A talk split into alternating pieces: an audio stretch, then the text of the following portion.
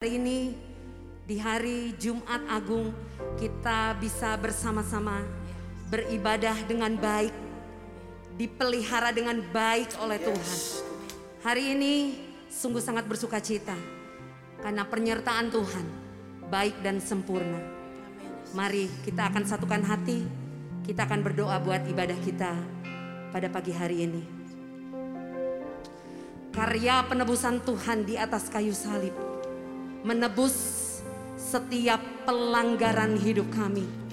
Dosa kami Tuhan tebus dengan nyawamu yang berharga.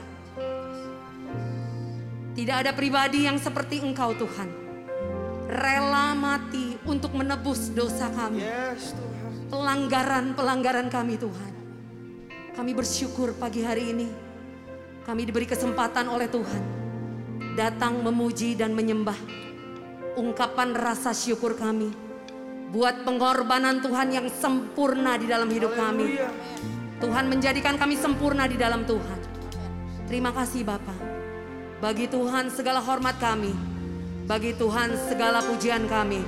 Mari jemaat yang dikasihi oleh Tuhan yang siap memuji dan menyembah Raja bersama katakan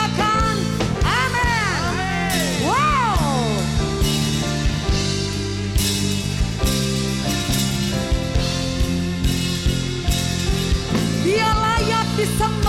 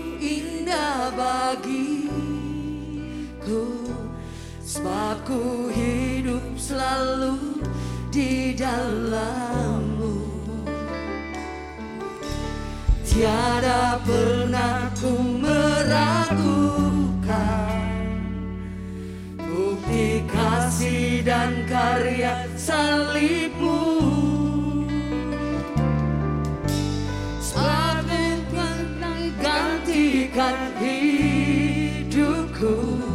Sebab itu selalu bersyukur.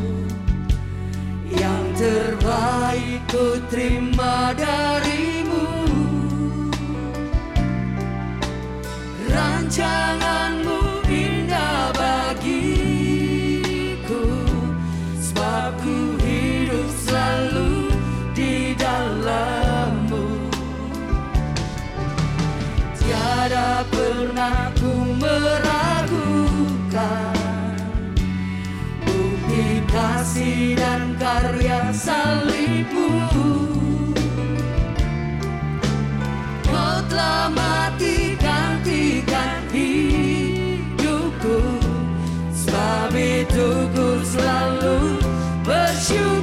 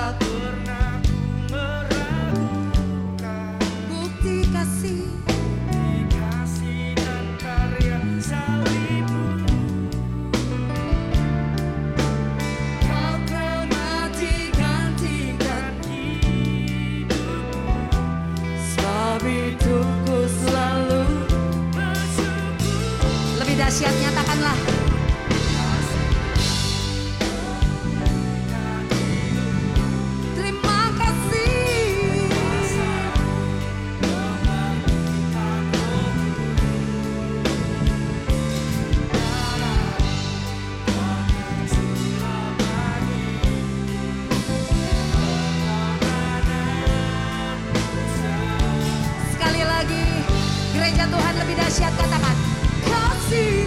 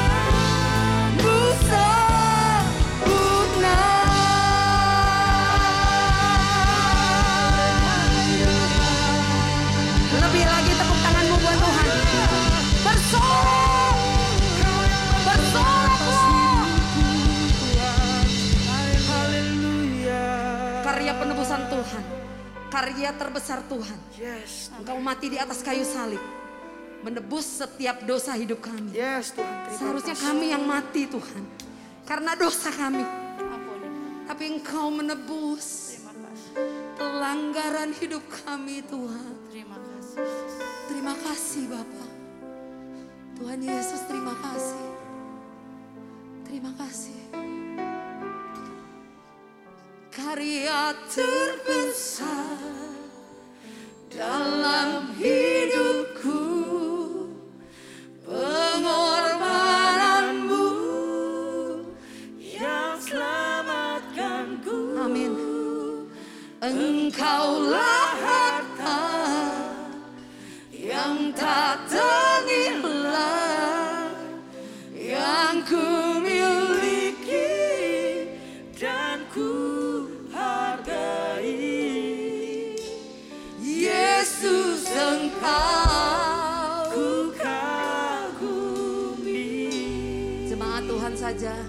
GBI PPL nyatakan karya terbesar Jesus dalam hidup. Amin. Amin.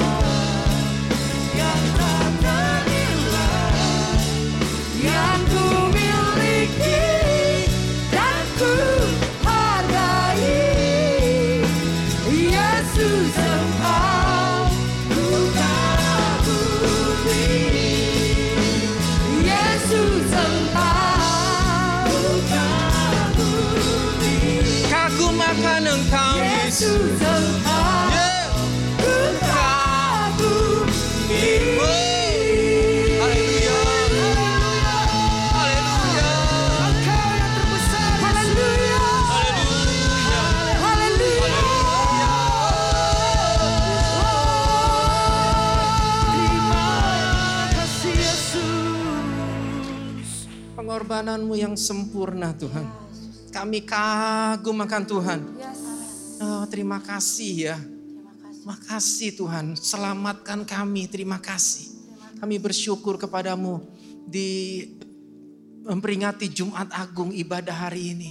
Kami bisa datang di tempat ini dengan kota yang sehat, kota yang aman, keadaan yang baik. Tuhan beri kami kesempatan, kesehatan. Kami bisa ada di rumah Tuhan, memuji, meninggikan Tuhan. Kami bisa ada di hadirat Tuhan. Terima kasih. terima kasih Tuhan Bersyukur Tuhan, terima kasih. Kami biar setiap pujian yang kami naikkan itu menyukakan hatimu. Bukti kekaguman kami kepada Tuhan. Berfirmanlah buat kami. Roh Kudus urapi kami semua.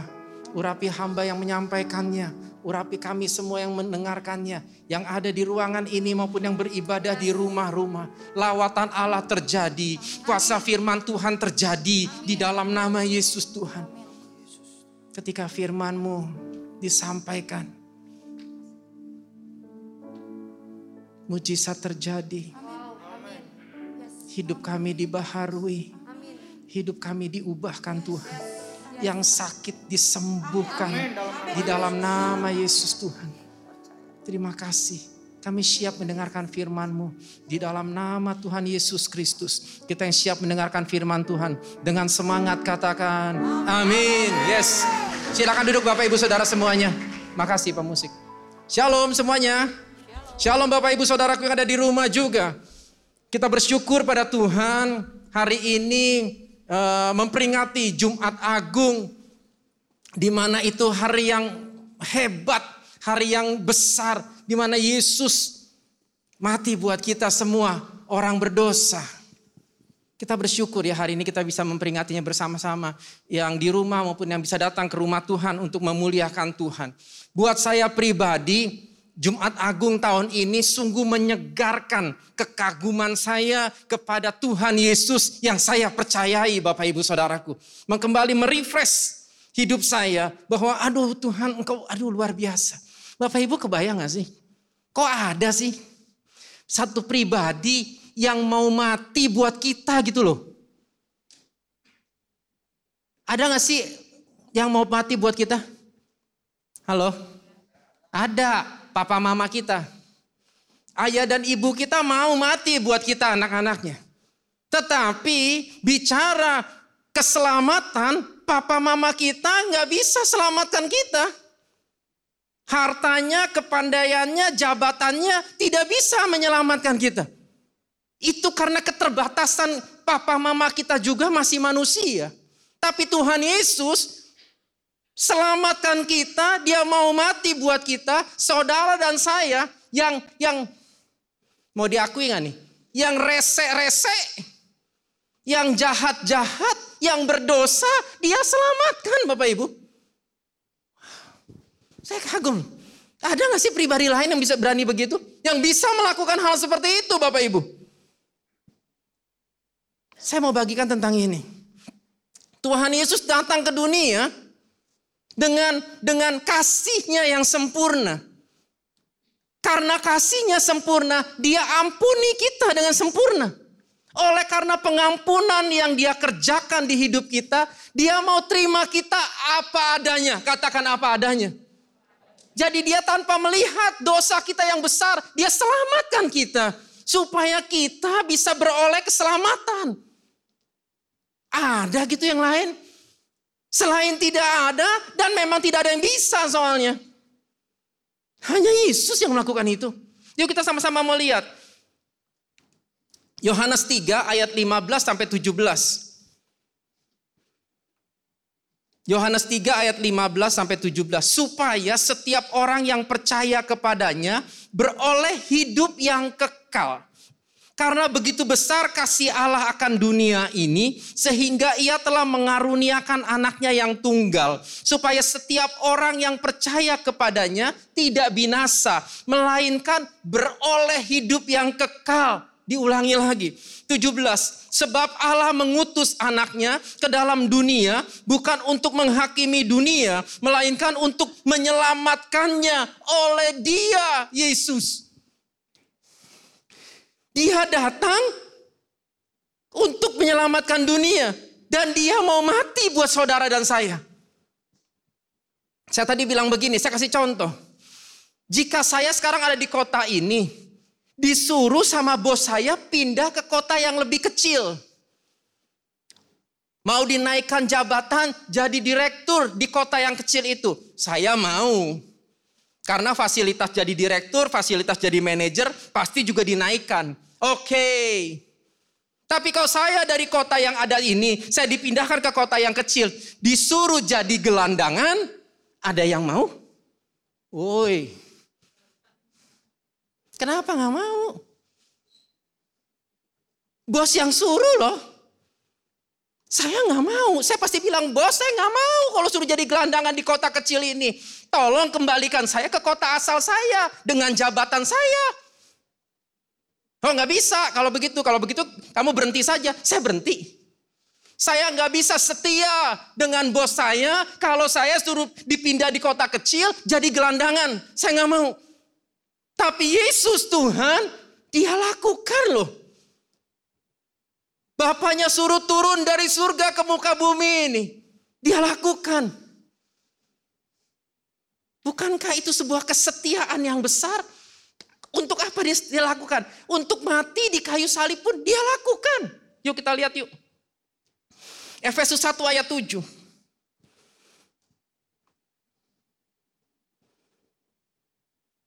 Sebab di dalam dia oleh darahnya kita beroleh penebusan.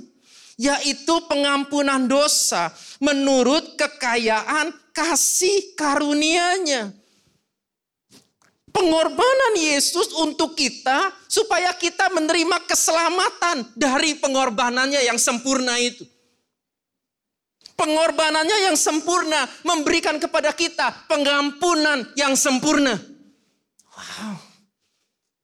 Yang dia kerjakan semua hal-hal yang sempurna Bapak Ibu. Buat kita yang percaya pengampunan Tuhan Yesus sempurna.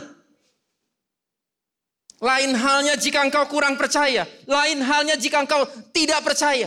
Tapi buat yang percaya pengampunannya sempurna. Pengampunan yang sempurna disebabkan oleh kesetiaannya yang sempurna. Saya tidak bisa setia kalau ketemu cerita model yang tadi seperti saya diutus oleh bos saya. Tapi Tuhan Yesus, dia tetap setia. Karena dia punya kesetiaan yang sempurna. Datang ke muka bumi, oke. Okay. Tinggalkan kemuliaan, oke. Okay. Lalu di muka bumi, kata Tuhan engkau harus mati, disalibkan. Firman Tuhan mencatat. Karena dia merendahkan diri. Mari kita baca dulu yuk. Filipi 2 ayat 8 sampai 9. Wow. Gak tahu Bapak Ibu, Bapak Ibu kagumnya sama Tuhan seperti apa. Kalau saya kagum, sangat kagum. Dan di Jumat Agung ini di-refresh kembali. Bahwa aduh, bangga punya Allah seperti itu. Filipi 2 ayat 8 sampai 9. Dan dalam keadaan sebagai manusia, ia telah merendahkan dirinya dan taat sampai mati. Bahkan sampai mati di kayu salib. Itulah sebabnya Allah sangat meninggikan dia dan mengaruniakan kepadanya nama di atas segala nama. Tuhan Yesus setia banget, sempurna. Dia mau merendahkan dirinya, taat. Kalau disuruh harus mati, dia taat. Matinya di kayu salib, dia taat. Itu berarti bukan hal yang mudah mati di kayu salib. Tuhan tahu, dia tahu apa yang akan dia rasakan. Oleh sebab itu dia dia berdoa, terjadi doa di Taman Getsemani. Tuhan Bapa, kalau boleh cawan ini lalu daripadaku. Tapi bukan karena keinginan aku. Biar keinginan Tuhan aja, keinginan Bapa saja yang terjadi. Sampai tiga kali. Itu membuktikan Yesus Seutuhnya dia manusia, dia harus tanggung kematian itu untuk menebus dosa saya dan saudara semua. Dia lakukan, dia lakukan, dia nggak protes, nggak pulang aja, nggak jadi ya. Kembalikan aja aku ke surga, balik ke surga aja dah. Masa bodoh dah manusia mau mati, mau hidup. Enggak loh. Coba lihat, lihat diri kita, kita lihat gitu loh. Apa kita terlalu bagus gitu sampai perlu diselamatkan? Justru karena terlalu berdosa, Tuhan mau diselamatkan kita. Kenapa? Karena kita ini ciptaannya.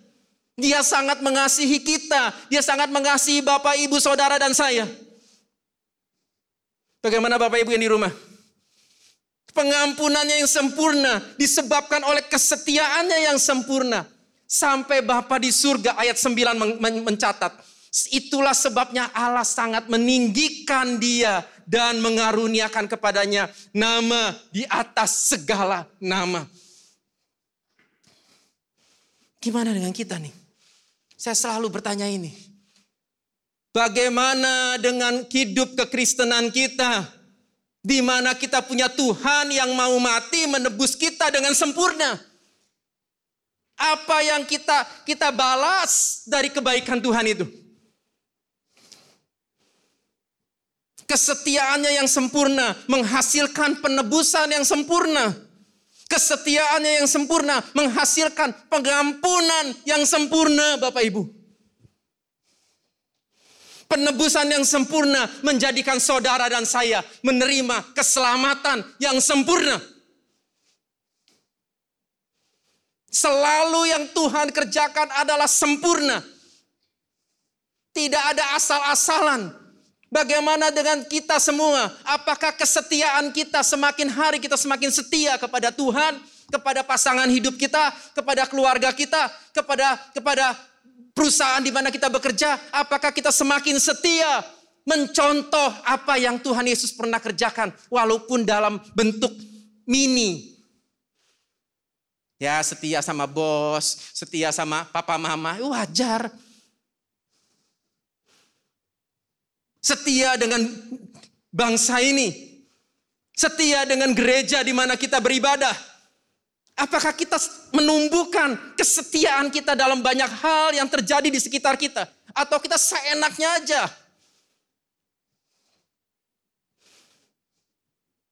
Kalau nggak enak seperti tadi, oh iya masih oke. Okay. Seringkali kita dikasih yang enak juga kita tetap nggak setia. Dikasih istri yang cantik juga sering kali ditinggalkan karena kita nggak setia. Dikasih suami yang sangat baik pun sering kali kita tinggalkan karena kita tidak setia. Tuhan kita setia Bapak Ibu. Kesetiaannya sempurna. Karena kesetiaan yang sempurna kita ada sampai hari ini. Penebusan yang sempurna menjadikan kita adalah orang-orang yang diselamatkan dengan sempurna. Setelah dia mati, Selesai? Enggak. Dia bangkit dari kematian. Itu Tuhanmu dan Tuhanku. Dia sanggup mengalahkan kematian karena kuasanya sempurna.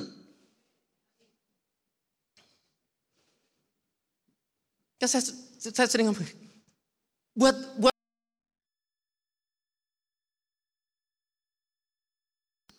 Karena firman Tuhan katakan, engkau sekalipun engkau tidak melihat tapi engkau percaya, berbahagialah. Ketika kita lihat Tuhan Yesus mati, kita bisa bingung. Kita bersyukur kita punya Alkitab yang mencatat dia bangkit di hari yang ketiga. Buat murid-murid, nah lo. Tuhan Yesus pernah bangkitkan seorang anak muda di kota Nain. Dia pegang usungannya, anak muda itu bangkit. Dia pernah bangkitkan anaknya kepala rumah ibadat, Yairus. Dia bangkitkan dari kematian. Sekarang dianya yang mati. Halo, nah lo. Dulu Tuhan Yesus bisa bangkitkan, sekarang Tuhan Yesusnya yang mati. Karena dia Tuhan seutuhnya, dia manusia seutuhnya, dia bisa bangkit dari kematian, mengalahkan maut. Oleh sebab itu, 1 Korintus 15 ayat 55 bilang begini, Hai maut, di manakah kemenanganmu? Hai maut, di manakah sengatmu? Ingat dong kalau dengar ayat ini. Terjemahan sederhana Indonesia bilang begini, Hai maut, kamu tidak berkuasa lagi untuk mematikan kami. Hai kematian, kami tidak takut lagi kepadamu karena kebangkitan Yesus sudah mengalahkan kematian, maka kita terbebas dari kematian kekal. Kita bisa mati di muka bumi ini. Bisa. Tapi kita nggak akan mati dalam kematian kekal. Sebab Yesus sudah melakukannya sekali untuk selama-lamanya. Bagi setiap kita yang percaya kepada Tuhan Yesus. Kematian aja nggak bisa tahan dia. Karena kuasanya sempurna. Kita tahu segala sesuatu di muka bumi bila dijatuhkan dia akan jatuh. Karena hukum alam ini ada gravitasi bumi. Demikian juga dengan kematian. Tidak ada satu orang pun yang bisa mengalahkan kematian. Tidak ada satu orang pun yang bisa membatalkan kematian. Kalau kematian sudah mau datang, tidak ada satu orang pun yang sanggup menahannya. Tapi Tuhan kita, dia sanggup kalahkan kematian. Cerita sederhananya di perjanjian lama, ketika sebuah mata kapak kecemplung, hilang. Abdi Allah bilang, Abdi Allah, mata kampaknya hilang, itu pinjeman. Elia katakan, di mana kecemplungnya? Di situ dia lempar kayu, mata kapak, mata kapak itu timbul mengalahkan gravitasi. Halo. Kuasanya sempurna sehingga saudara dan saya tidak perlu lagi untuk mati dalam kekekalan. Halo. Setelah dia bangkit dari kematian, dia naik ke surga.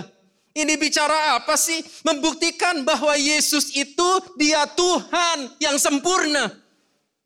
Dia kembali ke tempat yang sempurna di mana dia berasal. Dia berasal dari surga, dia kembali ke surga. Itu membuktikan dia Tuhan, pemilik surga. Dia sempurna. Wah, Gimana dengan kita? Seberapa bangga engkau dengan Allahmu? Seberapa engkau harus meresponi karya Tuhan yang sempurna dalam hidup kita?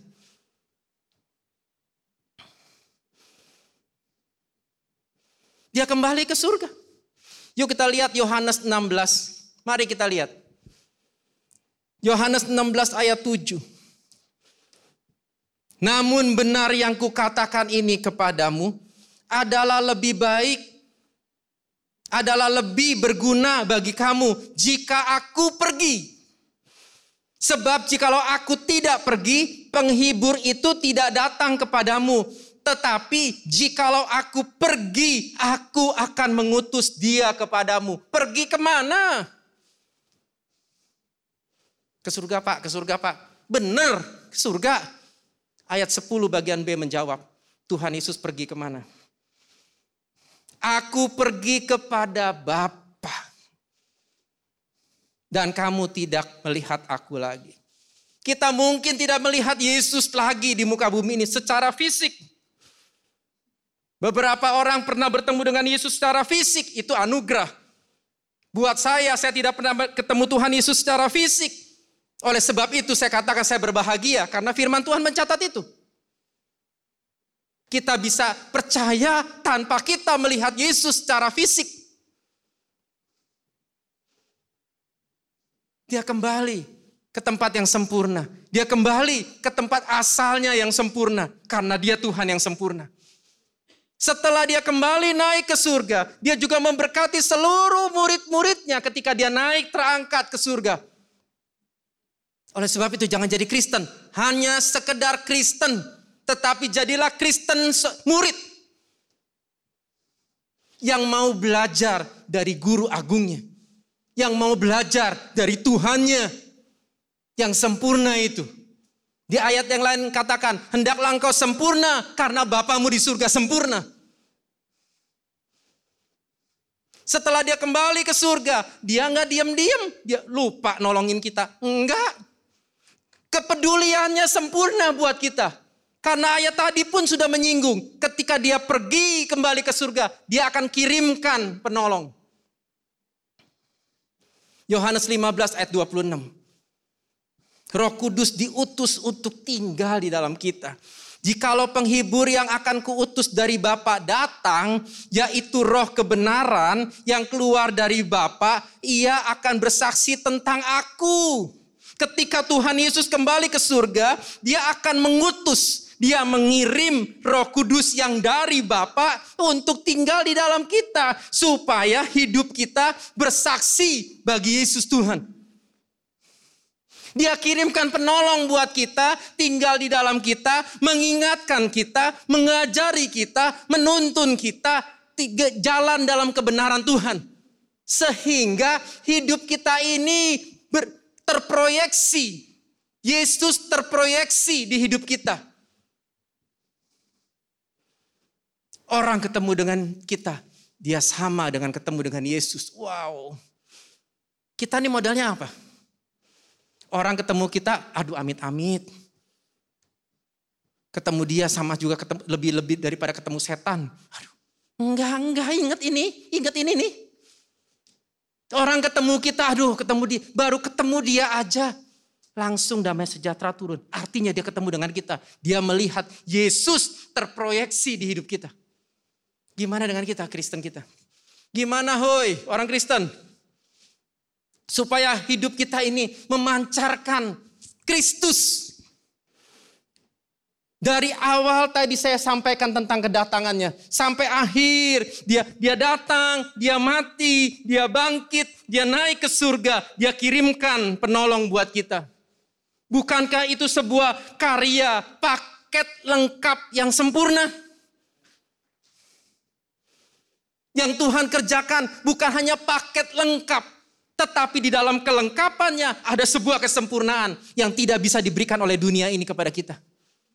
Di dunia ini tidak ada satupun yang sempurna. Hanya Tuhan yang sempurna. Dan dia Tuhan yang sempurna itu, dia Tuhannya Bapak, Ibu, Saudara, dan dia Tuhannya kita, Yesus Kristus. Mari Bapak Ibu, Saudaraku, kita harus semakin giat menghidupi kebenaran firman Tuhan. Sehingga kita semakin hari semakin serupa dengan Kristus. Keuntungan dari kita melakukan firman bukan untuk Tuhan. Untuk diri kita. Sehingga hidup kita yang yang semakin melakukan kebenaran firman, kita semakin serupa dengan Kristus kan? Setuju? Ketika kita serupa dengan Kristus, bukankah nama Tuhan dipermuliakan di kehidupan kita dan banyak orang bisa diselamatkan? Jumat Agung ini jangan berlalu begitu saja. Tapi Jumat Agung kali ini, tahun ini, biarlah menjadi Jumat Agung yang menyegarkan kekaguman kita sama Tuhan. Dan tidak hanya berhenti kita kagum sama Tuhan, tapi mari responi korban Kristus buat kita dengan hidup sesuai firman Tuhan. Karena hidup yang melakukan kebenaran, kita sedang berespon yang benar tentang karya penyalipan Yesus. Gimana dengan kita Bapak Ibu? Apakah kita menjadi Kristen yang biasa-biasa saja? Kita masih terkenal yang paling jahat di rumah kita?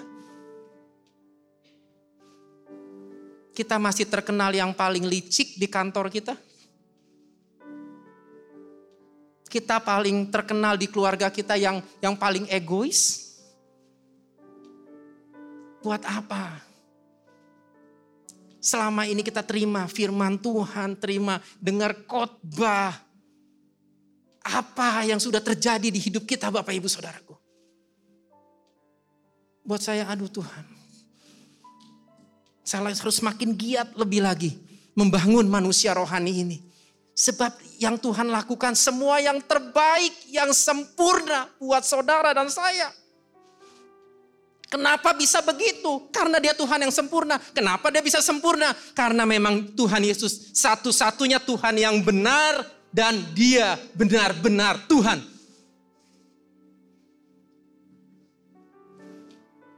Apa yang Bapak Ibu dapat? Paket lengkap yang sempurna itu sudah menjadi milik kita ketika kita mempercayai Tuhan dengan sepenuh hati. Bapak Ibu bisa mengikuti apa yang saya sampaikan hari ini? Mari kita tunduk kepala.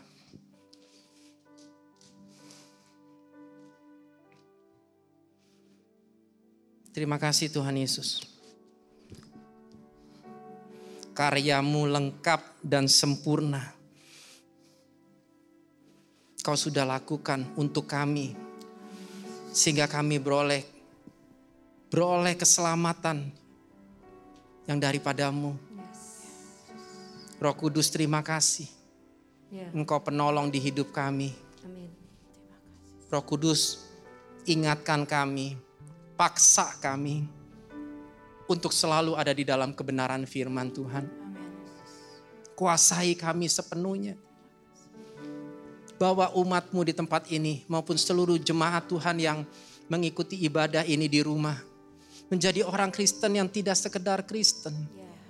Tapi orang Kristen yang sungguh menghargai, menghormati, mengagumi karya penyalipan Yesus.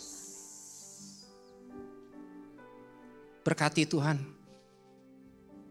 supaya kami selalu bertumbuh di dalam Engkau, bertumbuh di dalam kebenaran firman, tertanam dalam, berakar dalam, di dalam kebenaran, sehingga hidup kami menghasilkan buah-buah kebenaran yang bisa dinikmati oleh banyak orang di sekitar kami. Sebentar kami mau masuk dalam perjamuan kudus. Mengingatkan kami pengorbananmu yang begitu besar. Yes, Jesus. Ampuni kami Tuhan. Kau selama ini kami hanya ya angin-anginan. Habis Jumat Agung kami benar dua hari. Habis kebangkitan kami benar dua hari. Selainnya ngaco lagi. Nanti habis kenaikan benar dua hari. Lalu ngaco lagi. Natal kami benar seminggu. Ngaco lagi. Nggak bisa pilih-pilih Bapak Ibu. Natal, Paskah, Jumat Agung, Paskah, Yesus naik, pencurahan Roh Kudus, benernya cuma sekitar-sekitar itu aja, nggak bisa. Ini paket lengkap yang sempurna. Sepanjang tahun, sepanjang hidup kita, kerjakanlah kebenaran. Tuhan berkati ya, kami mau masuk perjamuan kudus dengan cara yang benar. Ampuni kami dari segala yang jahat, yang dosa, yang rese. Supaya kami berkenan di hadapanmu. Darahmu menguduskan kami, menyucikan kami. Jumat Agung tahun ini menjadi titik balik hidup perubahan hidup kami Tuhan. Amin. Karena kami semakin mengerti kebenaran firman-Mu. Yes. Roh Kudus tolongin kami. Ajari kami. Berkati Tuhan. Roti dan anggur yang sudah tersedia. Kuduskan. Jadi persekutuan yang indah. Dengan tubuh Kristus yang terpecah. Darah Kristus yang tercurah. Terima kasih. Dalam nama Tuhan Yesus. Kami minta doa ini. kasihmu memulihkan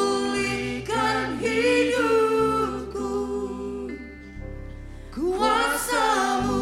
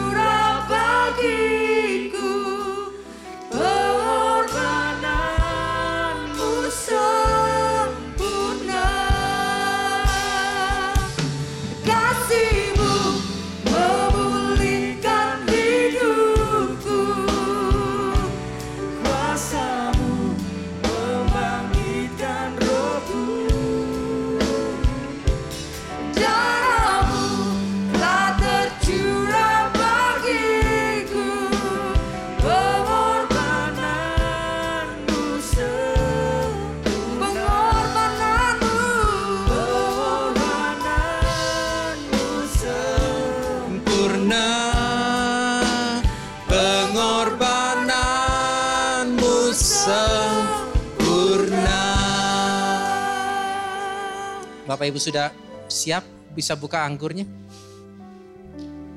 Silakan Bapak Ibu Saudara. Kalau sudah siap saya undang kita bangkit berdiri. Silakan saya masih menunggu. Bapak Ibu Saudaraku yang di rumah bisa sudah siap.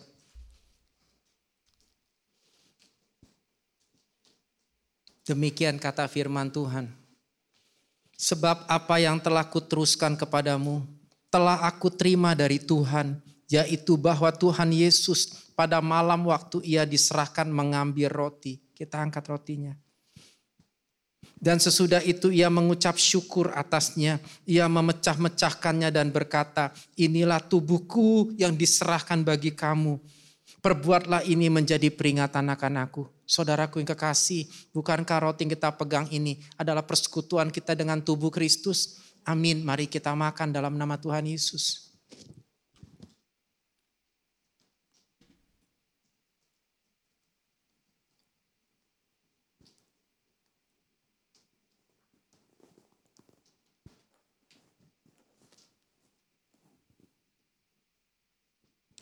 Kita angkat cawannya.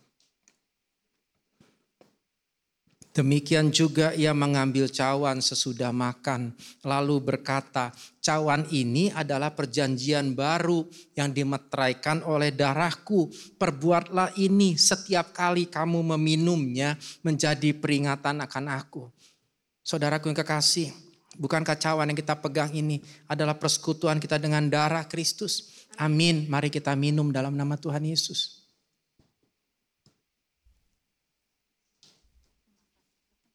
Ucapkan terima kasih Tuhan Yesus. Terima kasih Yesus. Terima kasih. Terima kasih Tuhan. Haleluya.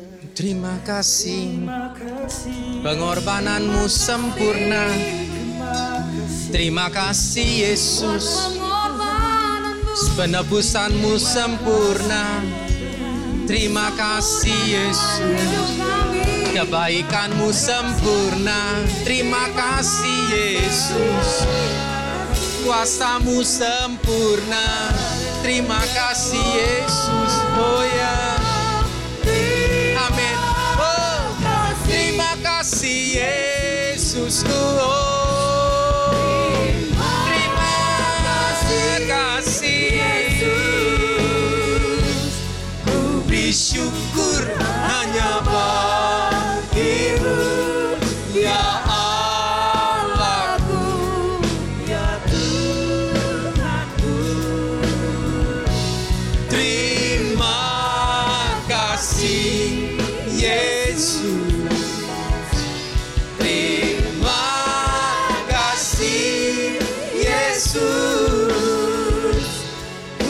Ku beri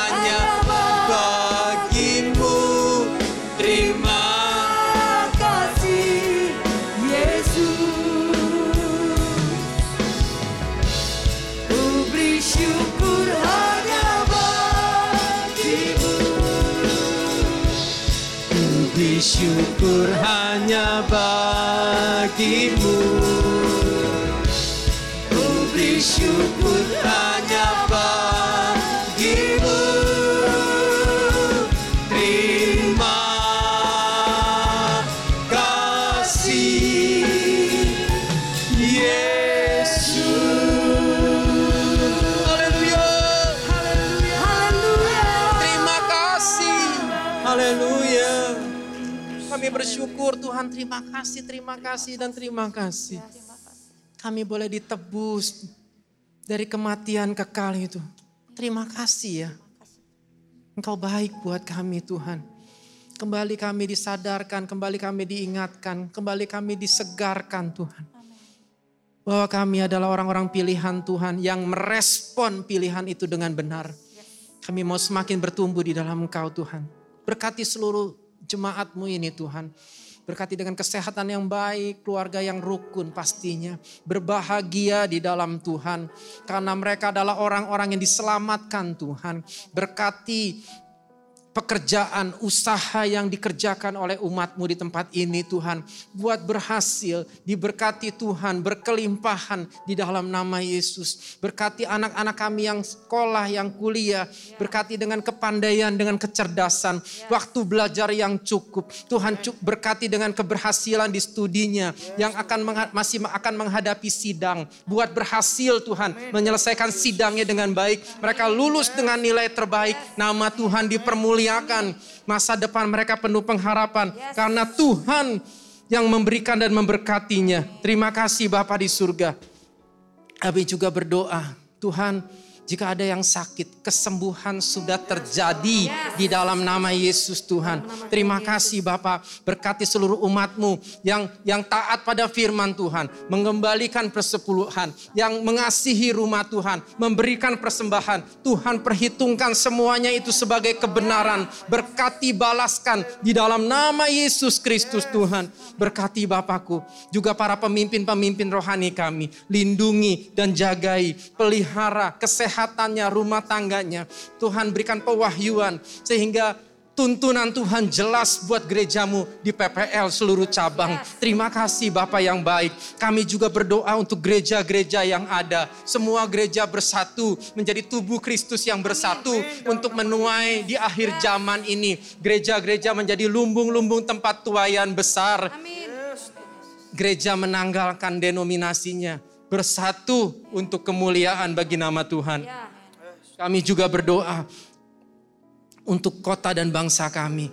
Terima kasih untuk kota dan bangsa yang sehat. Terima kasih untuk perlindungan Tuhan. Terima kasih Engkau belai bangsa ini dari segala perbuatan jahat orang. Terima kasih pakai presiden kami Tuhan. Beri hikmat, beri marifat, beri wibawa Allah, beri kekuatan Tuhan. Lindungi presiden kami, jagai keluarganya, lindungi wakil presiden kami, lindungi keluarganya, lindungi semua orang-orang yang bekerja untuk kepentingan bangsa ini. Tuhan jagai, Tuhan pelihara. TNI Polri yang menjaga keamanan di negeri ini. Tuhan juga melindungi mereka, Tuhan berkati mereka seluruh